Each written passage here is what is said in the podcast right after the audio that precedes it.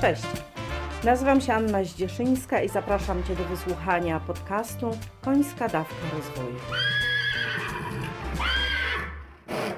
Podcast ten jest o rozwoju i dla osób, które chcą się rozwijać, a konie są bohaterami historii i tłem do pytań, które mogą Ciebie zainspirować do pracy nad sobą. Cześć! Witam Ciebie w kolejnym odcinku dotyczącym przywództwa, czyli na czas wakacji.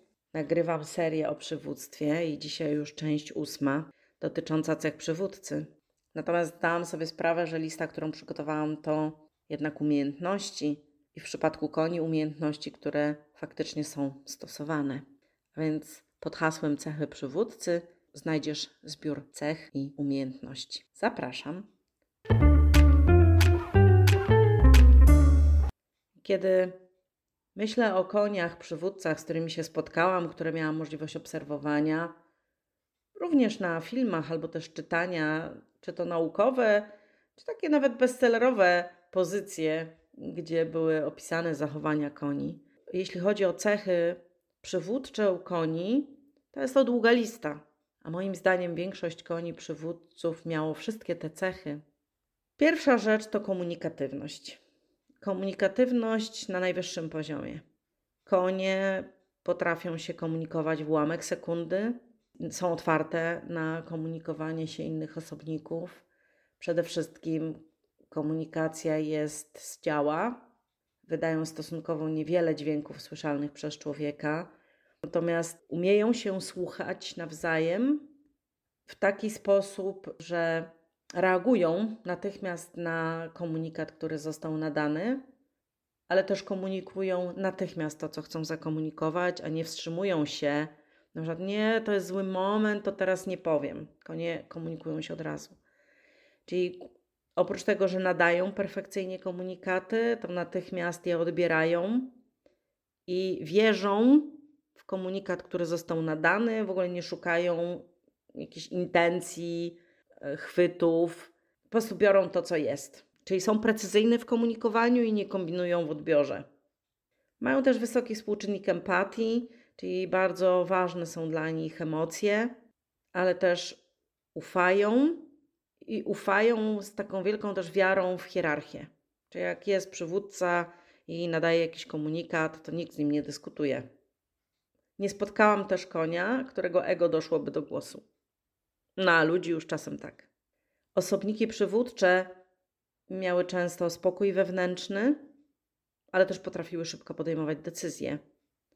Może dlatego, że jest to kwestia, przynajmniej u dzikich koni, życia bądź śmierci, czyli szybka decyzja o na przykład ucieczce, no to jest decyzja o przeżyciu stada albo większości stada. Więc ta szybkość podejmowania decyzji u koni jest wybitna.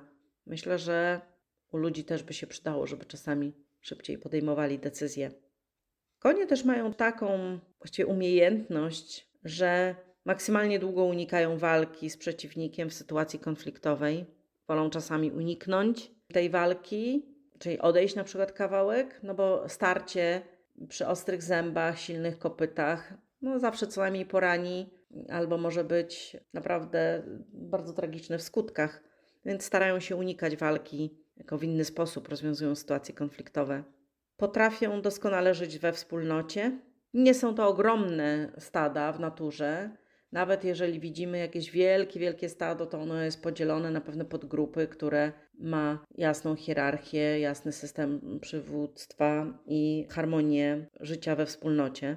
Potrafią stawiać granice, ale też rozwijać.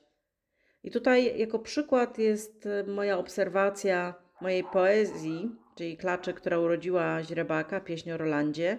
Jak Rolka, bo tak nazywany jest źrebak, do tej pory ma taką ksywkę, jak Rolka była mała, to przez pierwszy miesiąc poezja pozwalała się kopać i gryźć. Wydaje mi się, że był to czas, gdzie klaczka, ta źróbka mała, potrzebowała nauczyć się celności kopania, takiej umiejętności używania zębów, i matka to tolerowała bez zmrużenia oka.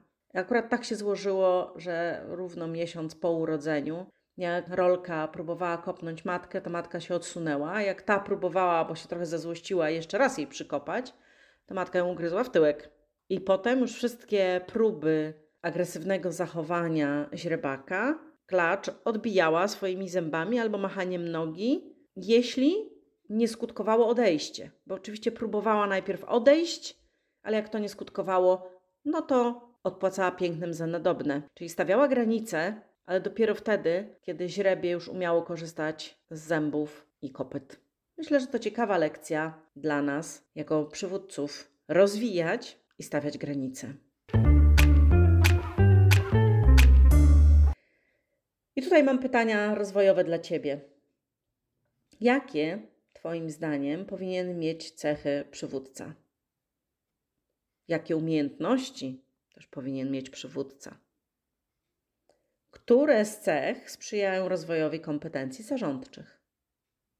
Jakie umiejętności warto wykorzystywać w sytuacjach kryzysowych? Dzięki za dziś. Pozdrawiam serdecznie. Cześć!